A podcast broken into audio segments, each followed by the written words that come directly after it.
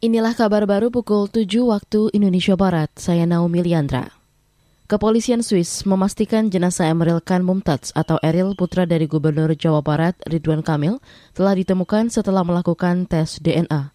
Polisi Swiss menyatakan Eril meninggal dunia karena tenggelam setelah mengalami keadaan darurat. Jenazah ditemukan pada Rabu pagi waktu setempat. Duta Besar RI di Bern Mulyaman Darman Syahadat memastikan akan mengawal proses pemulangan jenazah Eril hingga ke Indonesia.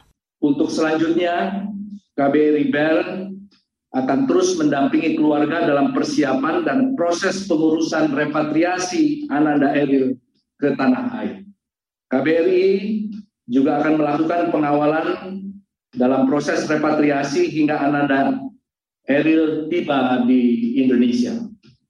Duta Besar RI di Bern Mulyaman Darmansyah Hadat meminta doa dan dukungan agar persiapan kepulangan jenazah ke Indonesia dapat berjalan lancar. Sebelumnya, Ariel diberitakan hilang terseret arus di Sungai Arebern, Swiss pada 26 Mei. Pihak keluarga menyatakan Ariel telah meninggal dunia, namun pencarian masih terus dilakukan hingga di hari ke-14 jasad Ariel berhasil ditemukan. Juru bicara Kementerian Kesehatan Muhammad Syahril mengatakan, upaya percepatan vaksinasi booster adalah tanggung jawab bersama, baik pemerintah pusat, daerah, bahkan masyarakat.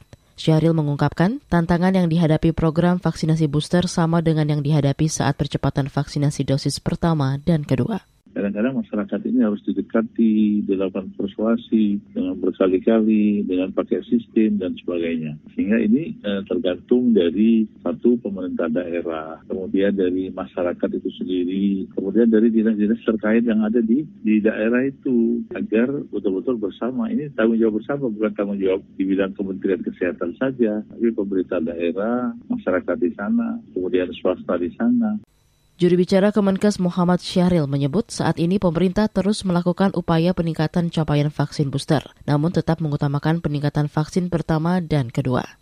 Syahril mengatakan saat ini vaksin yang tersedia sangat cukup untuk program vaksinasi COVID-19 termasuk untuk booster.